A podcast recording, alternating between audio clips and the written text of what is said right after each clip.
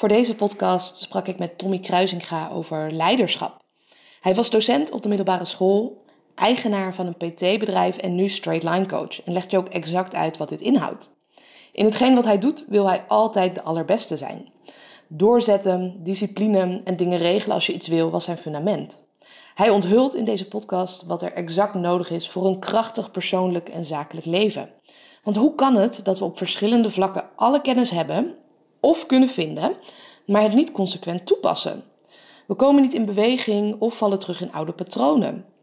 Waarom moeten we wel en waarom vooral niet focussen op doelen en resultaten? In deze podcast duiken we hierover de diepte in. Tommy heeft zelf bijna een miljoen euro in zichzelf geïnvesteerd en deelt in deze podcast waarom hij dit heeft gedaan en altijd zal blijven doen. En of je nu CEO, eigenaar van een klein bedrijf, sporter of iemand bent die een verschil wil maken, dan is deze podcast super waardevol voor jou. Tommy geeft je handvatten en inzichtsvragen die je onmiddellijk kunt toepassen om uitdagingen op te lossen en voor jezelf dus nieuwe resultaten kunt creëren. Dus wil jij groeien op persoonlijk en zakelijk leiderschap? Luister dan zeker naar deze podcast. Mijn naam is uh, Tommy Kruisinga. Ik ben uh, straight line coach bij Straight Line Leadership International. En daar kan je eigenlijk zeggen, daar hebben we twee takken op dit moment. We zijn oorspronkelijk voor een exclusieve groep ondernemers. Waar we werken met mensen vanaf 10 medewerkers en boven 2 miljoen omzet. Daar ligt uiteindelijk echt de focus op. Dat is het werk wat wij doen werken bij dat soort bedrijven en organisaties. En uiteindelijk sinds vorig jaar, 17 maart, denk ik, toen heel die uh, lockdown bekend werd gemaakt en het hele COVID-verhaal, um, hebben wij Black Swan in het leven geroepen. Black Swan Project, dat is uh, gekomen om ondernemers in turbulente tijden, waar we nu nog steeds in zitten, uh, vooral te kunnen helpen. Ja. Gewoon om vooruit te blijven bewegen, door te kunnen gaan. En dat deden wij middels een uh, serie aan uitzendingen.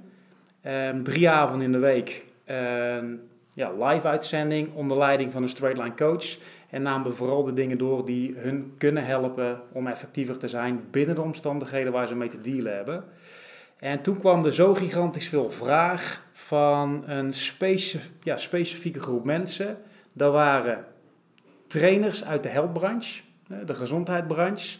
Dat waren consultants en coaches, business coaches, life coaches, die te maken kregen in één keer met straight line en zagen wat voor effect dat zou kunnen hebben op wie ze zijn als ondernemer en wat het kan doen voor hun eh, bedrijven.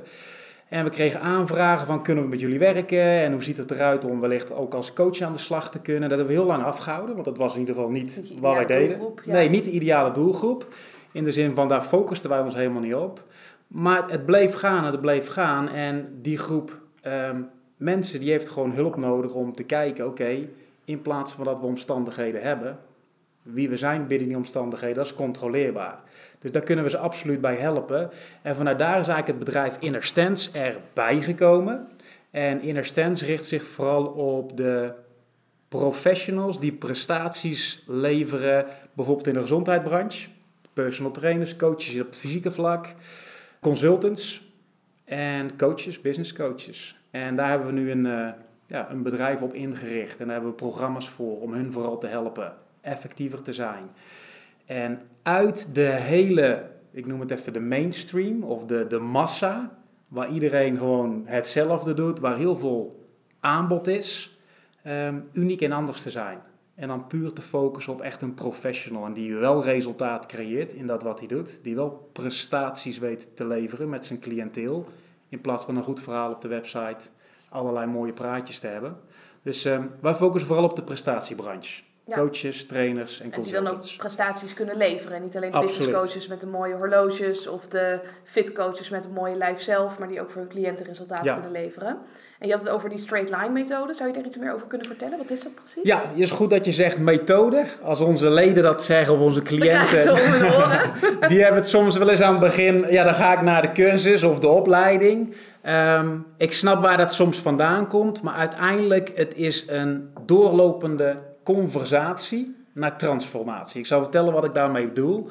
Um, mensen zijn ondergedompeld in de straight line wereld, in de straight line methodologie, om het zo maar te zeggen. En het is niet, je doet even een cursus Dus geen challenge voor een nee, weekje. Nee, je leert even een paar dingen en dat doe je voor een jaar en dan is het klaar. Het is iets waar iemand instapt, ziet wat voor impact het maakt. Eerst natuurlijk op de persoon zelf, dan in de skills en de competenties die iemand krijgt. En dan wat voor impact het kan maken op het cliënteel waar ze mee werken en daar de levens van. En het is eigenlijk gewoon een non-stop fase hè? als je coach bent. En ik denk veel coaches die nu uh, luisteren. Je kan je cliënteel en je omgeving zover brengen op het level waar je zelf staat. Dus als je het mij vraagt, wil je jezelf absoluut altijd blijven ontwikkelen en blijven groeien en competenter worden in de dingen die je doet. En dat is niet even één cursus of één opleiding, dat doe je constant. Ik vergelijk het vaak met het verschil tussen, hoe kun je dat zeggen netjes, de massagetherapeut, hè, die, die, die masseert hier en daar wat, die knijpt ergens in, in een paar dingen en dan is het klaar. Het blijft vrij aan de oppervlakte. Als je kijkt waar wij ons op, op focussen, is vooral performance coaching. Die kan je vergelijken met een hersenchirurg. Dat is een specialist, dat is een professional en die gaat de diepte in, die maakt diagnoses. En uiteindelijk ziet hij gewoon, was de kern, waarin het wel van alles weet, maar het niet doet. Of wat moet er uit de weg geruimd worden om te komen tot resultaat. Dus het is meer een, ja, een lifestyle, een way of being. Straight line leadership is dat wat je leeft, daar waar je vandaan komt. Ja, dus het is geen methode, maar het is echt een levensstijl. Uh, als je het kort iets meer erover zou uh, moeten vertellen, hoe zou je het dan omschrijven? Waarin verschilt het bijvoorbeeld van andere manieren van aanpak? Waar de meeste uh, bedrijven of organisaties of individuen vooral gefocust zijn op wat iemand moet doen. Bepaalde acties of bepaalde beslissingen die iemand moet nemen. Of doelen stellen inderdaad. Of kijkt van, hé, hey, wat moet je niet meer doen? Hè? Wat limiteert je om te komen tot resultaat? Wat houdt je gewoon in die cirkel? Uiteindelijk zijn veel opleidingen en organisaties daarop gefocust. En die dingen die je moet doen en die dingen die je niet meer moet doen, die werken absoluut. Dat zijn gewoon acties die werken en dingen die je stopt die ook werkbaar zijn. Alleen de persoon, de ondernemer, de coach of de trainer die die acties moet gaan uitvoeren of die de acties moet gaan stoppen, daar moet aan gewerkt worden. Want die bepaalt uiteindelijk wat je echt doet en wat je echt stopt. Dus als ik een distinctie zou moeten maken met wat maakt het voor verschillen, wat is het werkbare eraan, is wij zijn altijd gefocust op de persoon, het individu. Want het is eigenlijk de, de, de vent of de dame achter de tent die bepaalt wat het resultaat is. Precies, jullie focussen niet op het resultaat eigenlijk. Uiteindelijk altijd op het resultaat. Maar dat is onvermijdelijk. Als je als, eh, het fundament eerst bouwt, hè, als je als persoon groeit, dan ga je vanzelf wel het resultaat neerzetten. Dan worden die acties makkelijker. Ik vergelijk het vaak met inderdaad die overtuigingen. Als jij elke dag naar de sportschool gaat en je hebt dus de overtuiging ik haat sporten, dan zal je vroeg of laat sporten. Uh, stoppen met sporten, maar als je jezelf creëert dus als ik ben een sporter, dan gaat het vele malen makkelijker. Is dat een beetje wat je... Ja, ja exact wat jij zegt is wie je bent. Wij noemen dat de positie waar je vandaan komt. Dat bepaalt uiteindelijk wat je wel en niet doet. Dus je wil veel dieper gaan kijken, oké, wat laat mij bepaalde dingen niet doen? Terwijl ik het eigenlijk gewoon weet, is wie ik ben. Dus wij leggen de focus altijd op de positie waar iemand vandaan komt. De, de houding die iemand aanneemt ten aanzien van een relatie, ten aanzien van zijn bedrijf, ten aanzien van gezondheid. Daar past straight line leadership zich op toe. Het krachtiger en effectiever maken van wie iemand is en waar die vandaan komt. Zodat ze de dingen gaan doen. En dat is wel een goede wat jij zei het resultaat maken wij daadwerkelijk wel heel belangrijk, want het is onze beste feedbackmachine. een weegschaal liegt niet. Iemand kan nog zo'n mooi verhaal hebben wat hij gedaan heeft, wat hij niet gedaan heeft, maar die weegschaal laat zien wat is er echt gebeurd, was het echt een commitment geweest. Ja. En in business hetzelfde. Iemand kan allerlei acties gedaan hebben, mooie verhalen, maar uiteindelijk je, je dashboard openen of je zakelijke rekening, dat laat zien wat er echt gebeurd is. Dus dat gebruiken we puur om te kijken, hey, zijn we op koers van koers af? Wat zegt iemand en wat zijn de resultaten? Dus daar, daar, daar meten we uiteindelijk mee. Maar uiteindelijk is straight line leadership gefocust op ja, de ontwikkeling van de ondernemer, van de coach, van de trainer. En wat was voor jou het eerste punt waarop je merkte van, nou, dit is belangrijk. Hier, hier lopen mensen dus tegenaan, tegen dat stukje van uh, je innerlijke houding. Jij was eerst personal trainer, toch? En heel erg bezig dus met mensen helpen. Ja, zou je daar wat meer over willen vertellen? Ja, ik was eerst uh, personal trainer. Waarbij ik, als ik zeg, gewoon gruwelijk goed was in trainingen geven. En dus ik wist alles? Ja, ik wist alles als het gaat om gewoon iemand te laten komen tot resultaat. niet alles in de zin van dat ik een of andere stopsportenatleet, uh, weet ik veel, een uh, Olympisch record kan laten creëren. Waar kwamen mensen bij jou voornamelijk? Bij ons? Ja, was dat um, gewichtsverlies of sterker worden? De eerste um, hulpvraag was altijd: ik wil wat fitter en vitaler en meer energie en toonbaar fit zijn. Maar de meeste coaches weten denk ik ook dat het eerste antwoord wat iemand geeft vaak gewoon heel oppervlakkig is en niet het echte antwoord. En als we daar de diepte wat meer in gingen, ja, dat, uiteindelijk, ik denk 70% wel gewoon om af te vallen, fitter te worden. En uiteindelijk merken ze dan wel, hé, hey, ik wil wat toonbaar, hè, goed eruit zien, lekker in mijn vel zitten. Maar het grootste gedeelte moest gewoon echt afslanken en afvallen. Ja, als we kijken naar de massa, zijn we te dik, ja. niet fit, eten we ongezond. Um, je had alle kennis, dus dan zou je zeggen 1 en 1 is 2. Ze missen de kennis, jij geeft ze de kennis en ze halen resultaten. Was dat ook zo? Nee. Nee, en het grootste verschil was uiteindelijk, uh, overal is kennis te vinden als het gaat om afslanken of fitter worden. Um, ben je niet competent hè, in het sportelement, kan je een personal trainer inhuren. Tegenwoordig kan je allerlei video's en apps downloaden. Dus alle informatie is er. Alle kennis is er. En een persoon, met alle respect, weet gewoon heel goed: dit kan ik beter niet meer doen. Die dingen die ik nog steeds doe, die moet ik gewoon stoppen. Snoep eten, friet eten, nou je kent het hele verhaal. Andere vlakken, niet alleen in voeding, maar bijvoorbeeld ook mindset, business, ja. uh, privé. Ja, die weten ook van oké, om te komen tot een bepaald uh, cijfer in resultaten, zal ik in contact moeten komen met mijn doelgroep. Hoe doe ik dat? Op netwerkevents verschijnen, telefoontjes plegen. Iedereen weet eigenlijk wat hij moet doen. Ja. Maar er is een heel groot verschil, en dan kom ik terug op jouw uh, vraag, tussen weten wat je moet doen en dat daadwerkelijk ook leven. He, dus een groot verschil tussen iets weten en iets leven. En uiteindelijk door middel van coaching breng je in ieder geval iemand in contact met wat maakt het nou, wat moet er uit de weg geruimd worden, waarom ik de dingen wel weet, maar niet doe. Of het inzicht wel heb, maar het eigenlijk niet toepas. En daar kijken wij naar. Dus wat moet iemand denken van zichzelf? Of hoe moet iemand zichzelf gaan creëren? Want dat is in ieder geval wat je moet doen. Je moet bekijken welke houding, welke inner stance, welke mindset is er nodig om de dingen gaan te doen die ik al lang weet. Of de dingen te stoppen waar ik weet, als ik die stop, boekt dat resultaat. Dus de informatie en de kennis en de inzichten zijn het niet, het is dus wie iemand is. De persoon werkt niet. Dus ik kan me nog goed voorstellen, ik vaak wel het voorbeeld gebruikt ook met elk dieet, en wellicht dat je dat zelf ook uh, perfect uh, weet, elk dieet werkt. Ja. Van, van Sonja Bakker, waar mensen heel lacherig over doen, tot paleo en allerlei andere dingen die er zijn. Alleen de mens werkt niet.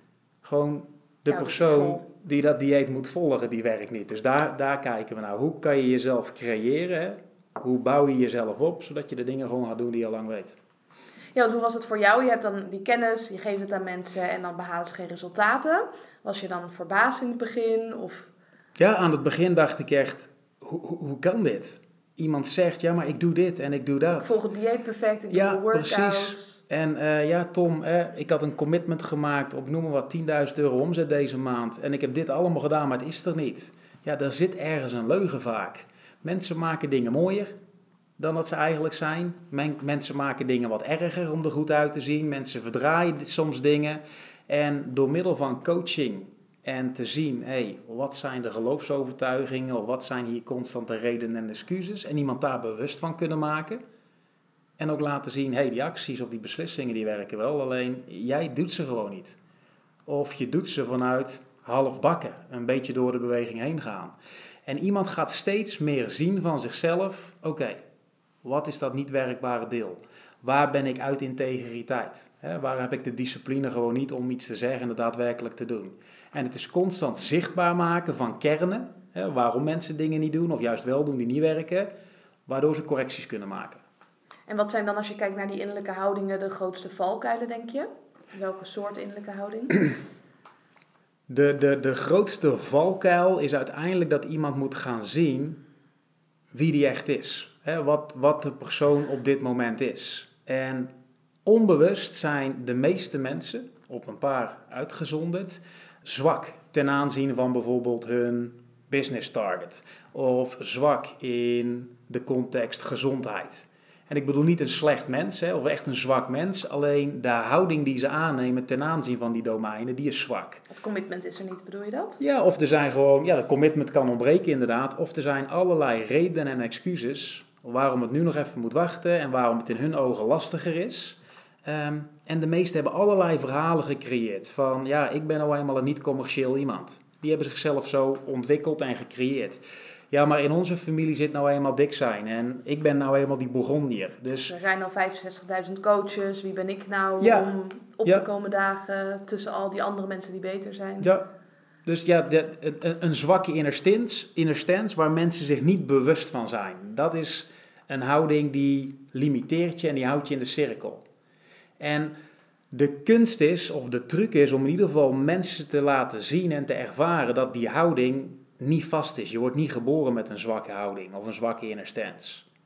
Ja, mensen Dat- denken dat wel. Ik ben nou eenmaal zo. Zo ben ik nou nou eenmaal, ja. perfectionistisch of onzeker. Maar jij zegt dus dat dat is niet hoe je wordt geboren in ieder geval. Nee, nee dat, dat, dat noem je een fixed identity. Hè? Tuurlijk, er zijn een aantal dingen die zullen vaststaan. Maar het grootste gedeelte van wie je bent en hoe je opkomt dagen in je leven, persoonlijk, zakelijk, binnen relaties, kun je beslissen. Waarom beslissen we dan om zwakker te zijn, denk je? Omdat dat comfortabel is. En dat klinkt heel gek, maar veel mensen die zijn angstig door luiheid. En luiheid in de zin van, hé, hey, dan moeten we dingen gaan doen die we voorheen niet deden. Of dan Kunnen zal we ik falen? Ja, dan kunnen we falen en dan zien we er niet goed uit. Dus wat doen we? We vermijden te falen, want dan zien we er altijd goed uit. Voor de buitenwereld. Ja, ja. Of misschien ook voor de binnenwereld. Dus Of voor zichzelf, om gewoon in ieder geval... Er is een deel in elk persoon, en daar heb ik jouw podcast ook over eh, gezien. Dat is iets wat wij ook regelmatig eh, gebruiken binnen het werk wat we doen.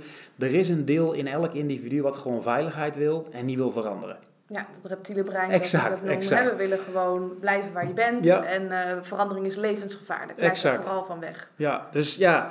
En als mensen zich daar niet bewust van zijn, en je wil niet het concept pakken, hè, oh, er is een reptiele brein wat ons wil houden wie we denken te zijn, hè, die identiteit. Denk aan de Bourgondier die zichzelf ziet als een Bourgondier. Ook al ziet hij aan zijn lijf, dit gaat de verkeerde kant op. Maar die identiteit die is zo diep liggend en die moet beschermd worden. Dus een reptiele brein zal er altijd voor zorgen, die Bourgondier, die mag niet uitsterven. Die moet blijven bestaan. En hoe verander je dat dan?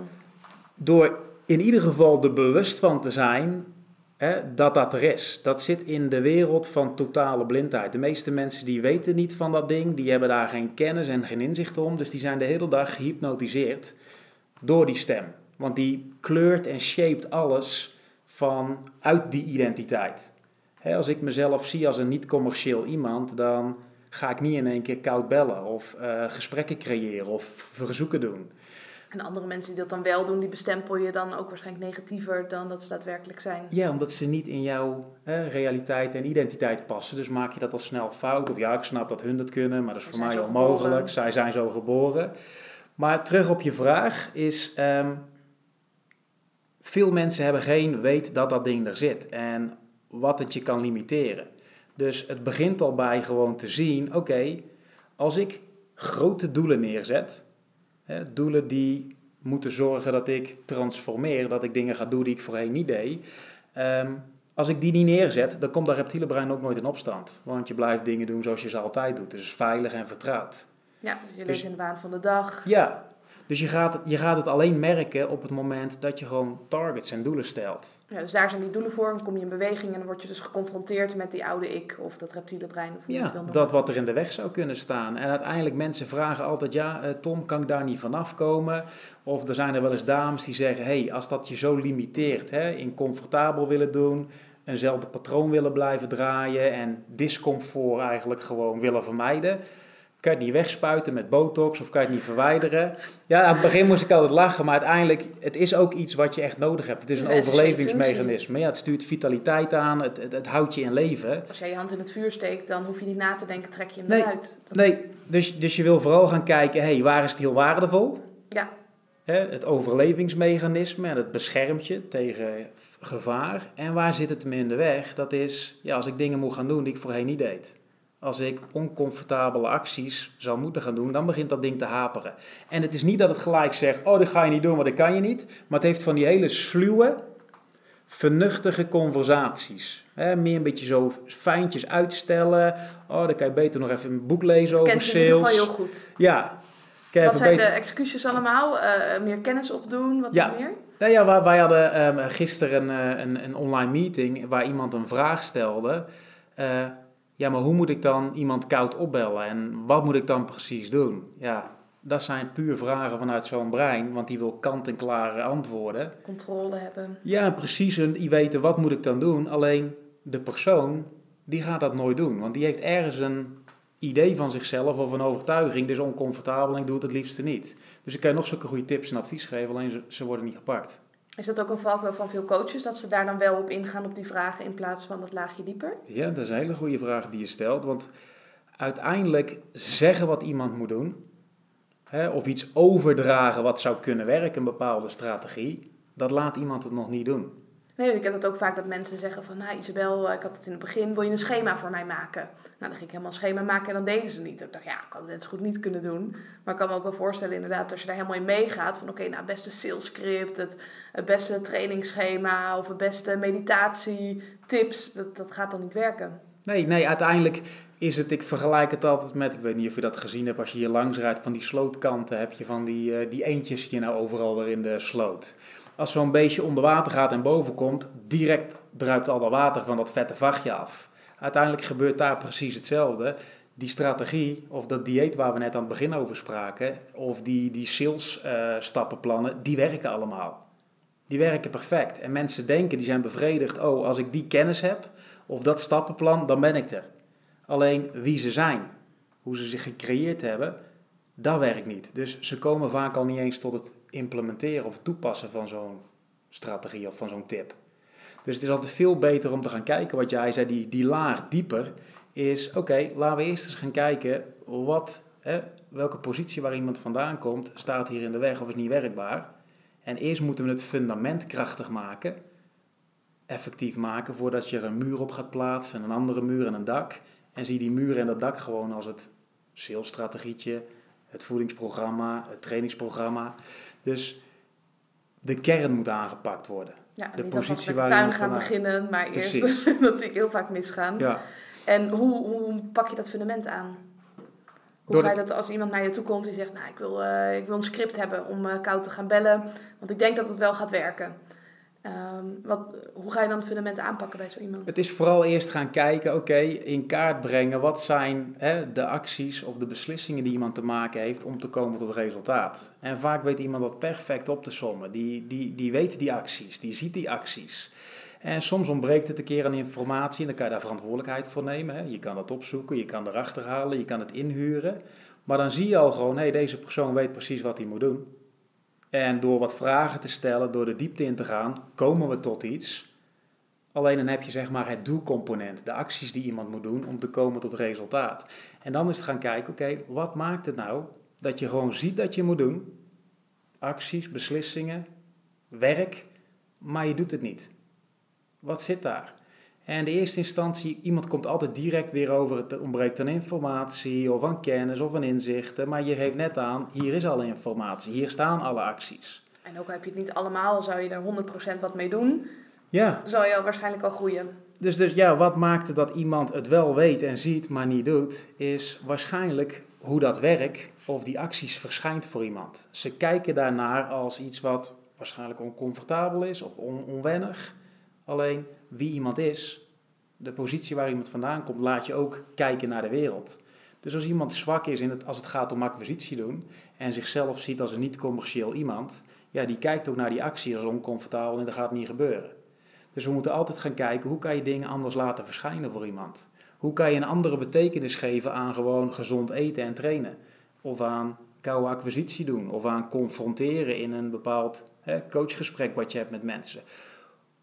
De labels die mensen eraan geven of de interpretatie die mensen eraan eh, aan krijgen, dat bepaalt ook het gedrag wat ze vertonen. Dus we willen vooral gaan kijken hoe kunnen we er een andere betekenis aan geven zodat ze het wel gaan doen. Of dat ze zien, als ik het doe, levert me dat op. Dus als we bijvoorbeeld hebben over voeding, als jij jezelf als bourgondier ziet en je moet gezonder gaan eten, dan ontstaat er een mismatch in je hoofd tussen hetgene wat je doet, je overtuigingen eh, de, of tussen je overtuiging en hetgene wat je doet. En iets wat ik wel eens mensen hoor zeggen is, oh dan wil ik het waarschijnlijk niet graag genoeg. Ben je het daarmee eens? Ja, als iemand het niet graag genoeg wil, dat is wel een goeie, dan gaat het ook niet gebeuren. Want mensen, mensen willen heel veel en mensen hopen heel veel en mensen wensen heel veel. Ehm, maar dat gaat, dat gaat niet gebeuren. Wij geven vaak aan, er is, een, er is een gezegde van een bepaald persoon, Fernando Flores heet die, maakt verder niet uit, maar die geeft aan, ehm, hoop is het rauwe materiaal voor losers. Want hopen kan je eigenlijk alleen maar als het compleet buiten je eigen macht ligt. Hè? Dus ja, we hopen met z'n allen dat die hele COVID-verhalen en dat hele coronacircus zo snel mogelijk afgelopen is. Daar hebben we geen controle op, dus dat kan je hopen. En dat wens je. Maar gewoon letterlijk acties doen om fitter en vitaler te worden. Of om uh, bepaalde targets te creëren binnen je salesfunctie of binnen coaching dat is vrij weinig met, met hopen heeft dat te maken. Dat is gewoon... Ik hopen dat ik 10k per maand bewijs van spreken ja. om zou zetten, maar er is geen ochtend dat ik wakker word en dat het ineens op mijn rekening nee, staan. of dat het in één keer in, in een sporttas voor de deur staat. Nee, dat is... een sixpack heb als ik zat ja, word. dat, zou ik ook vaak hopen, ja. Nee, dat betekent gewoon, iemand zal de bereidheid moeten creëren om de push-ups te doen. Ja. Iemand zal de bereidheid moeten creëren om hè, de acties, de telefoontjes te doen om tot die 10.000 euro te komen. Ja. Maar als iemand niet bereid is het werk te doen, dan gaat het er ook niet komen. En je moet me goed begrijpen dat het niet is, het is een moeten van ons, of van jou, of van een coach. Hè, want dat is het nog steeds van buitenaf. Wat soms een beetje kan werken. Maar de persoon. Ja, ja, om even in beweging te komen. Maar de persoon moet een intrinsiek moeten creëren. Die moet gewoon bij zichzelf zien en nu is het klaar. Ja, dat gaat denk ik ook niet alleen om het resultaat, maar vooral ben je bereid dus om die weg ernaartoe af te leggen. Je hebt punt A, je hebt 0 euro omzet, laten we het even in, financiën spreken. Je wil naar punt B, 10k per maand. En wat je daarvoor moet doen is dus bijvoorbeeld die koude acquisitie. Waar moet je dan het commitment op maken? Altijd op de output. Dus er is een heel groot verschil tussen mensen die denken we zijn goed bezig, want we maken targets of commitments op acties. Oké, dan ga ik ehm, twee events organiseren. Nu in dit geval dan uh, live online. online events inderdaad twee events in die maand. Waar ik een commitment maak op 30 aantallen per, uh, per sessie. Dus ik heb 60 potentials in twee events. Oké, om 30 man in die twee lezingen te krijgen, god, daar zou ik wel 300 telefoontjes voor moeten doen. Dus ik maak een commitment op 300 telefoontjes plegen om twee lezingen van 30 totaal te vullen. En daar heb ik een commitment op. En dan ben ik in tegen en ik doe die 300 telefoontjes en ik heb die lezing en ik heb de 30 en 30 in. En uiteindelijk is het resultaat weg. Of niet, of dat nauwelijks. Of half. Dat komt omdat je gefocust bent op de acties. Je maakt een commitment op de acties. Maar mensen doen acties om output te genereren, om resultaten te creëren. Dus waar wij altijd heel goed het onderscheid moeten maken is, maak resultaatdoelen. Stel doelen op euro's, op aantallen, op kilo's, op uh, mensen in je lidmaatschappen. Want dan zorg je ervoor dat je na een halve maand erachter komt: hey, ik zei dat ik er twee keer 30 in mijn lezing zou hebben. Maar heel eerlijk, er zitten er in die ene zes en in die andere 12. Maar ik heb wel al 300 telefoontjes gedaan. Dus ik zal er nog 300 moeten doen. Of je zou anders moeten komen opdagen ja, bij de of je zou correcties moeten maken alleen inderdaad. maar af. Ja. Misschien doe je het maar uh, half S of uh, ben je nog niet uh, krachtig genoeg in hoe je komt opdagen. Ja. Maar dus uiteindelijk zorgt dat ervoor, dat is wel een goede wat je zegt, door het resultaat hè, belangrijk te maken, ga je kijken, ik heb het resultaat nog niet, dus wat moet ik corrigeren? Ja, want ik heb de dingen gedaan, het resultaat is er niet.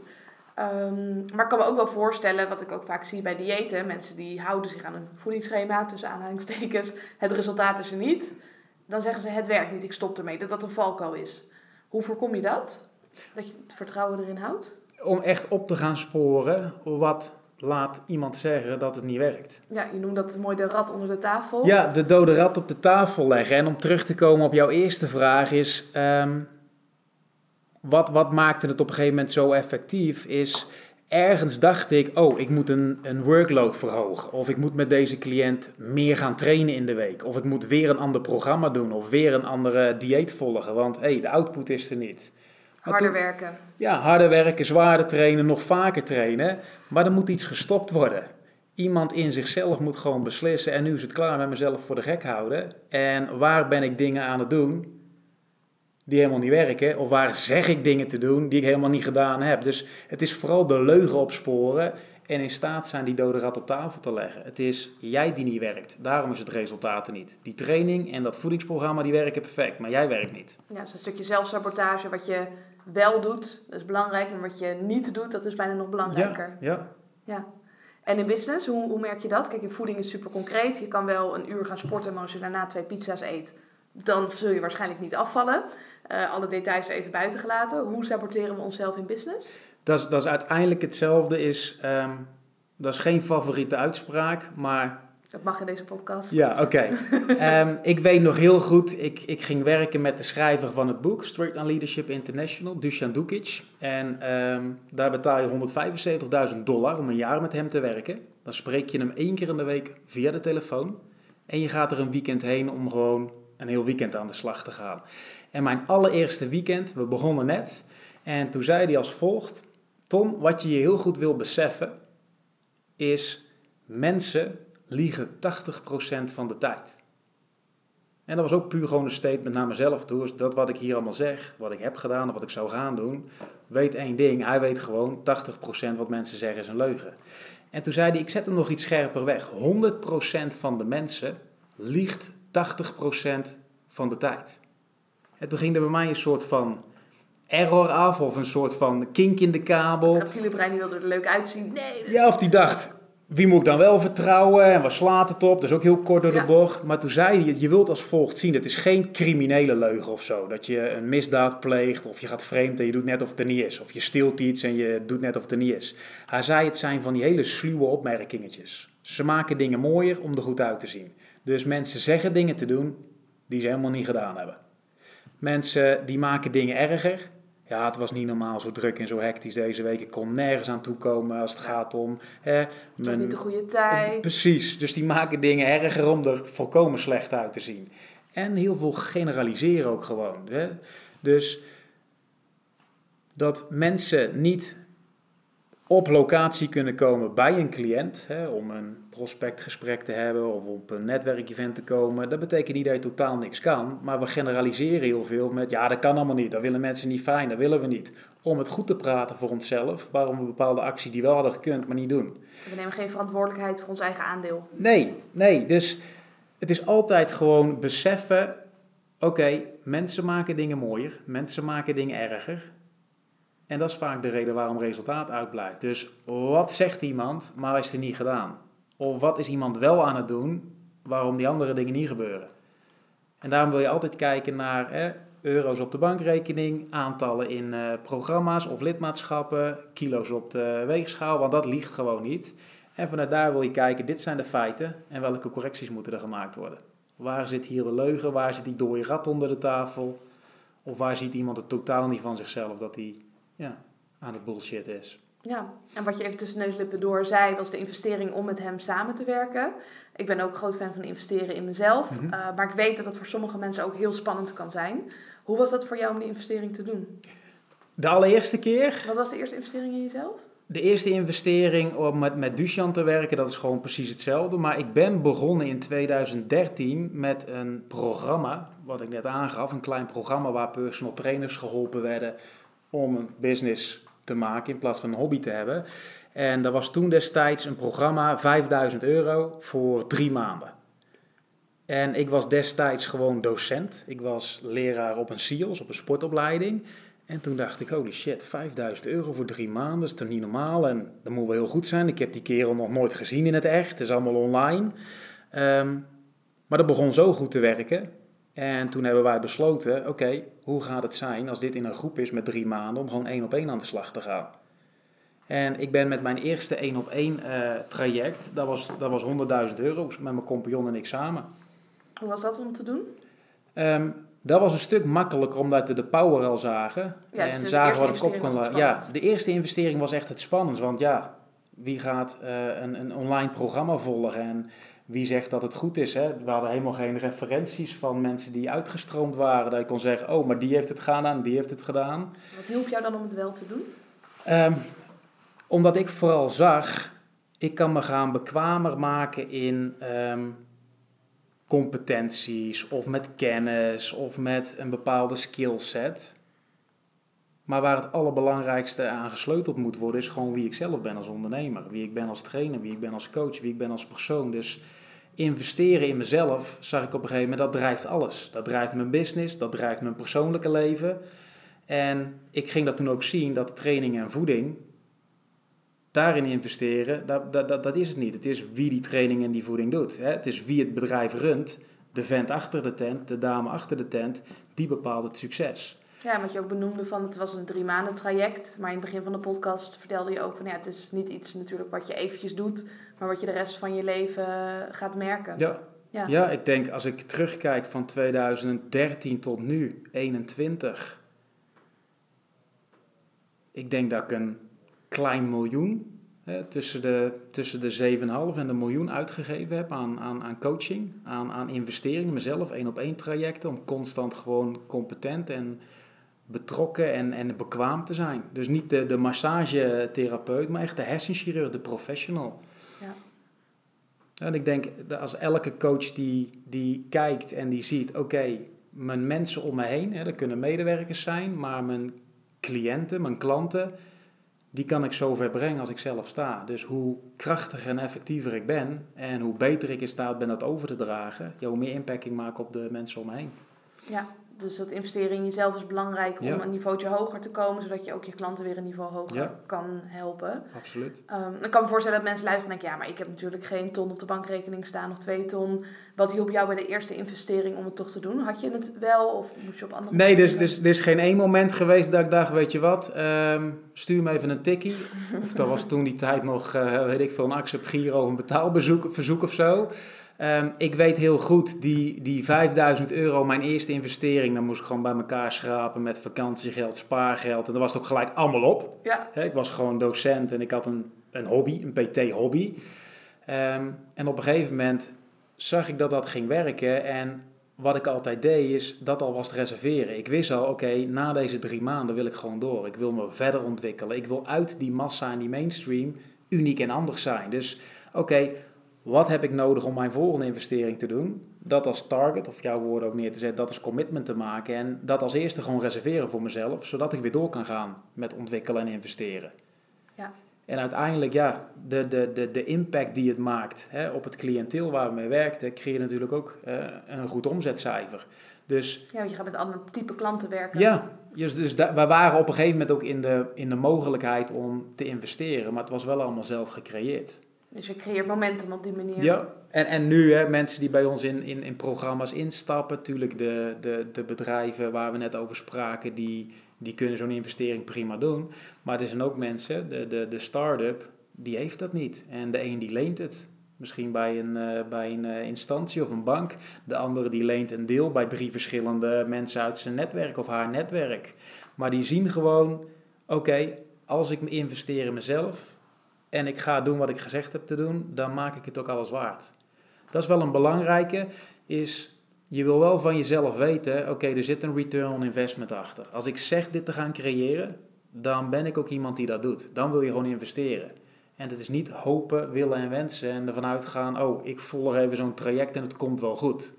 Ja, zij werken wel voor mij. Ja, ik, ik ga zitten, ik hoor een aantal briljante dingen, ik ga er uh, een aantal uh, jaar in mee en dan komt het wel goed. Je moet zelf nog wel steeds het werk doen, de push-ups doen. Ja, en ik denk dat ook een heel groot gedeelte van de waarde zat bij jou, bijvoorbeeld bij het eerste traject, juist dat jij linksom of rechtsom ging kijken hoe je het waar kon maken. Dan kom je al anders opdagen, denk ik, dan hoe je dat eerst deed. Ja, en, en dat is ook, hè, mensen betalen je met je aandacht. En heel veel mensen zeggen, nee, dat is voor mij niet nodig. En, en ik zeg dat ik commitment heb, dan heb ik het ook wel. Maar of jij een traject ingaat, hè, ik noem maar wat, van een jaar voor 25.000 euro. Hè, en je hebt die 25.000 euro moeten lenen of bij elkaar moeten halen. Dan zit je anders in zo'n zaal. Dan Absoluut. heb je andere gesprekken. Want je zit er met al je tanden in en je wil alles eruit halen wat erin zit. Dus mensen betalen echt met hun aandacht. Die komen opdagen. En als je iets krijgt, of het is prima te doen, het is goedkoop. Het is gratis, jullie hebben natuurlijk ook een gratis weggever. Ik heb alle video's bekeken, maar ik kijk mijn eigen cijfers ook na. Ik heb een gratis e-book. Eén op de vier mensen die opent niet eens de mail met het e-book. Ja. Was het betaald geweest, waarschijnlijk was het percentage vele malen hoger. Van, ja, dan komen uh, mensen gewoon anders opdagen, inderdaad. Ja. ja. Precies. En, en hoe bepaal je dan die prijzen? Ik kan me voorstellen van dat is soms natte vingerwerk of ehm, ja, hoe bepaal je dan wat is iets waard, zeker in de coaching? Nou, vaak, vaak zie je gewoon, oké, wat is het, het spel wat iemand gaat spelen? Hè? En eh, ik noem maar even als heel simpel voorbeeld. Oké, iemand komt bij ons eh, binnen. Denk aan eh, eh, een, een personal trainer. Die ziet, oké, wat ik nu doe is 50.000 euro op jaarbasis. Dat is de omzet die ik genereer. En door bijvoorbeeld coaching te installeren, performance coaching te installeren in hun programma's, dus training en voeding onderdaniger te maken en coaching het belangrijkste te maken, en effectieve programma's hebben die echt op resultaat gericht zijn, zie ik, goh, dan zou ik dit jaar, het komende jaar, af kunnen sluiten op, ik noem maar wat, 200.000 euro. Dus iemand ziet gewoon, ik kan van 50.000 euro naar 200.000 euro groeien. Ja, ik zou zeggen, dan ben je van de pot gerukt als je 5000 euro voor een drie maanden programma veel geld vindt. Dat gaat, weet ik veel vaak over de kop. En hetzelfde is voor de, voor de, voor de grote bedrijven waar we werken. Hè, een investering in een lidmaatschap van 25.000 euro en je kan daar een, een omzetgroei van maken van, ik noem maar wat, 2 ton verschil. Ja, dat zou, dat zou iedereen doen. Ja. Alleen vaak is het, ze zien het zichzelf in- niet doen. Ja, precies. Ja. twijfel in mezelf. Van, ga ik er wel uithalen wat erin zit? Ga ik die acties wel neerzetten? En dat is denk ik ook het lastige. Ehm, tenminste, dat merk ik in mijn eigen markt. Dat je wil iemand naar je punt B hebben. Ze staan nu natuurlijk op het punt A. Maar ze hebben nog onvoldoende vertrouwen, omdat ze op dat punt A staan, dat ze bij dat B-punt kunnen komen. Merken jullie dat ook? Ja, ja, als daar een twijfel is aan iemand zelf, dan zou ik juist zeggen, dan is het echt tijd om aan jezelf te gaan werken. Hè? Want, Juist, hè? Ja, Want het dat beperkt je gewoon in de kijk en in je handelen. Ehm, dus, dus wat laat iemand zeggen van, ja, kan ik dat wel? Of vertrouw ik mezelf daar wel in? En ga ik dat wel eh, halen? Gaat het me wel lukken? Is uiteindelijk waar, waar, waar het vaak aan ontbreekt, is integriteit. De beste vorm van zelfvertrouwen, want daar vragen mensen altijd naar, is ja, jij die jezelf vertrouwt, als jij zegt iets te gaan doen, dan doe je het ook. Dus weten dat je jezelf kan creëren als een integer iemand, hè, dat betekent niet dat je delusional doelen moet gaan stellen of als ik dit roep, dan kom ik er. Je moet competent zijn in dat wat je doet. Ja, misschien minder doelen stellen, minder dingen hopen. Ja, absoluut. En uiteindelijk waar het gewoon bijna altijd aan ontbreekt, is gewoon de integriteit. Ja. Je kan geen commitment maken zonder integriteit. Dus ik kan nog zo competent zijn in wat ik doe, maar als ik mijn woord niet nakom, dan, dan komt het er niet. Precies. En, en in mijn ogen is ook succes hetgene wat je zegt te gaan doen, dat je dat ook daadwerkelijk doet. Of Ja. dat nou is op business vlak of eh, je, je lijf of je relaties. Maar dat dat het allerbelangrijkste is, inderdaad, de integriteit. Ja. En de diëtisten zijn te dik, personal trainers die trainen zelf ook niet meer, of niet altijd meer. Tandarts hebben gaatjes, dus dat is denk ik in onze maatschappij ook soms ver te bekennen. Ja, ja en, en uiteindelijk is, is, is leiderschap, hè, dat zo, zo, zo, zo bekijken we dat, is een demonstratie van wie je bent. Dus daarom ook, je kan maar het beste in jezelf investeren en een absolute demonstratie zijn in het werk wat je doet. Hè, of je nou een trainer bent, een consultant of een coach, ben zelf de demonstratie. Mensen kopen wie je bent. Ja. Hoe je opkomt dagen. En dat ervaren ze. In plaats van, ja, je hebt allerlei briljante dingen, maar als we eerlijk kijken, het is hypocriet soms. Ja, wat jij zegt, dan zie je een personal trainer en dan denk je, hoe kan dat? Hoe kan jij commitment van iemand eisen hè, om iemand te helpen, terwijl je zelf geen commitment op je eigen lijf hebt? Nee, of je zit op je telefoon tijdens eh, Ja, je ja. trainingen. Die zag ik ook nog wel eens in de sportschool rondlopen. Dat je denkt, nou, bij hem zou ik nooit personal Nee. training nemen. Terwijl misschien wat hij zegt is inhoudelijk wel goed. Maar dan kan je als cliënt denk ik ook lastig commitment Ja, mensen maken. pakken het dan niet. Die denken, hè, als dat allemaal zo goed gewerkt had of heeft, wat, eh, wat is er dan met jou aan de hand? Ja. Dus ben zelf altijd een absolute demonstratie. Gewoon van een leider, van een owner. Hè? Iemand die eigenaarschap creëert, die competent is, die bekwaam is. En dat maakt je werk een stuk effectiever. Ja, ik denk ook zeker in deze tijd, wat je net benoemt, neem nou verantwoordelijkheid voor je eigen aandeel. En kijk waar wel de mogelijkheden Ja. liggen in plaats van dus de beperkingen. En als je kijkt naar eh, jullie bedrijf, welke plannen hebben jullie voor de, het komende jaar? Wij zijn ehm, nu de branche, de performance branche, gewoon aan het laten zien dat er een middelmatige eh, branche is. In de zin van mensen roepen dat ze dingen doen en die zeggen dat ze allerlei, allerlei dingen kunnen, maar dat we professionals opleiden. Gewoon competente performance coaches die goed zijn in de dingen die ze doen, die resultaat weten te creëren om gewoon hè, de vraag waar nu heel veel mensen uh, mee komen is, ja, die, die zijn op zelfontwikkeling bezig. Die willen uit die patronen komen. Dus het is nu de unieke kans om um, daarop in te spelen. Die zwakke, te zware, comfortabele markt. Hè, de mensen die steeds zwakker worden en steeds minder fit en vitaal zijn. Het is nu de tijd om daar gewoon op te staan en een impact te maken in hun kwaliteit van leven. Maar daar heb je professionals voor nodig. Ja, en jullie helpen die professionals. Dus, Precies. Ja. Dus we helpen mensen in deze wereld van omstandigheden, waar ze wel invloed hebben, is wie ze zijn en hoe ze zichzelf creëren, gewoon op te reizen en de boel naar het volgende level te tillen en goed te zijn in hun vak. Ja, en op die manier kun je denk ik ook meer impact maken, omdat jij de mensen helpt die weer andere mensen helpen. Ja, ja en vanuit dat is het eerst het hier in, in Nederland-België uitrollen en vanuit daar willen we internationaal gaan. En als mensen hier naar luisteren en denken, ik wil meer weten, waar kunnen ze naartoe? Wij hebben www.innerstance.com en vanuit daar eh, op de website, daar, daar, heb je zelf waarschijnlijk ook naar gekeken, hebben wij elke donderdag om drie uur het Performance Project. En daar nemen we mensen mee in wat is nou een performance coach? Wat is überhaupt performance coaching? En wat zijn de negen kerncompetenties die zo'n performance coach echt onderscheidt? Wat kan die persoon? En hoe ziet dat eruit? En hoe kan je dat voor jezelf hè, bekijken? Hoe kan je dat op je huidige situatie plakken? Maar we nemen dat elke week met hè, de groep mee. Er komen allerlei mensen online en dan kunnen ze kennis maken met wie we zijn en hoe we dat doen.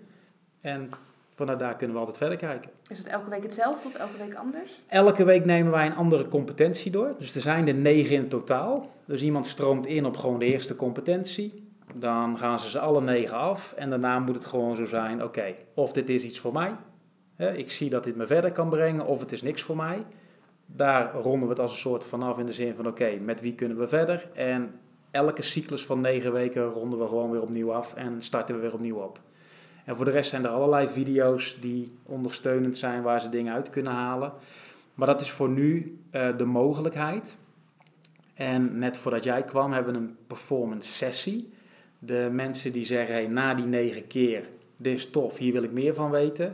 En die echt wel de intentie hebben om te kijken, hoe kan ik mezelf en inner stance uh, mengen? Hoe kan ik daar wellicht iets uithalen voor mezelf?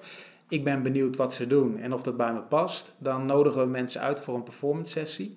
Dat is hier bij ons op locatie. In kleine groepen gaan we aan de slag, drie uur. En nemen we ze nog eens een keer mee gewoon in wat het inhoudt om het te zijn. En hoe dat eruit zou komen te zien als jij het zou kunnen toepassen in je business of in je persoonlijke leven. Dus terug op je vraag. We hebben die donderdag van 3 tot 4. Dat draait eigenlijk in een cyclus van 9 weken. En na 9 weken kunnen we mensen uitnodigen om bij ons op locatie te komen om echt met ze aan de slag te gaan. Ja. Dus niet te zenden en dingen over te dragen, maar echt met ze gaan werken. En die kiezen jullie zelf uit? Ja. Ja. ja, kiezen we zelf uit. Mensen kunnen zich perfect aanmelden. Dan nemen we in ieder geval even contact om te kijken, oké, hoe oprecht is iemand? En ja, is iemand echt gecommitteerd om de waarde uit te halen of willen ze gewoon iets proberen en kijken wat het wordt? Ja, op locatie komen is al een vorm van commitment, denk ik. Ja, en dan nog hè, zitten er heel veel die soms denken, oké, ik ga het even een keer proberen of ik wil wat, uh, wat informatie hebben. Maar door om gewoon even met ze contact te hebben, kijken we, oké, wat wil je eruit halen en match dat met hoe wij dat zien. Dus er zit wel een selectie in gewoon van oprechte mensen. Ja, logisch. Ja. ja. Om in ieder geval niet hun tijd te verdoen en die van onszelf. Precies, dat in ieder geval hier mensen zitten waarvan je denkt van nou, daar zouden we eventueel mee kunnen samenwerken. Dan ja. ben je het echt aan het testen. Exact.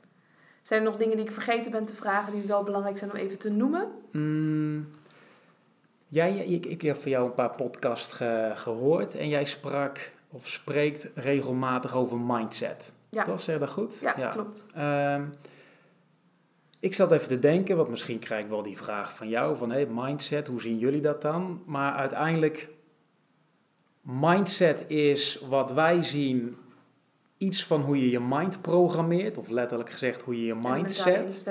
Ja, die mentale instellingen en om een bepaalde ehm, kijk op dingen te hebben.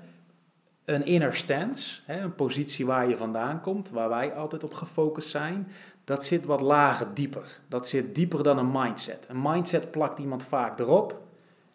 En een inner stance is echt waar je vandaan komt. Dus dat zit, dat zit net even iets, iets dieper. Maar soms halen mensen het wel eens door elkaar. Die denken, oké, eh, inner stance en mindset. Hoe kijk je dan tegen NLP aan? Daar ben ik al benieuwd naar. Ehm, Wil je daar iets over zeggen? Ja, jawel. Eh, wat, wat prima werkt over. Ja, wat prima werkt voor een, voor een grote groep mensen. En dat is ook helemaal oké. Alleen, ehm, ja, vergelijk dat wat meer met de massagetherapeut. Die wat de Ja, precies. oppervlakte Dat is masseert. mindset, hè, Ja. het, eh, de, de pleister op de etterende wond plakken. Maar je moet wat lagen dieper om het, de, tot de kern te komen. Het allemaal schoon te maken voor je echt verandering kan aanbrengen, Ja. denk ik. Ja, ja de, de diepgang in en echt te kijken wat zit hier. De hersenchirurg, de professional. Precies. Ja. Ja, je kan nog zo'n goede mindset hebben. Alleen als de positie waar je vandaan komt niet werkbaar is of zwak is, dan kan je er allerlei dingen op plakken. Alleen, Alleen, positief ja, denken als wil, maar dan is het sugarcoaten. precies. Dat is ook een goede sugarcoat. Ja, ja. top. Nou, we hem dan eh, bij deze afsluiten. Onwijs bedankt voor je tijd en je gedaan. waarde. Graag gedaan. Jij ook, dankjewel. Yes.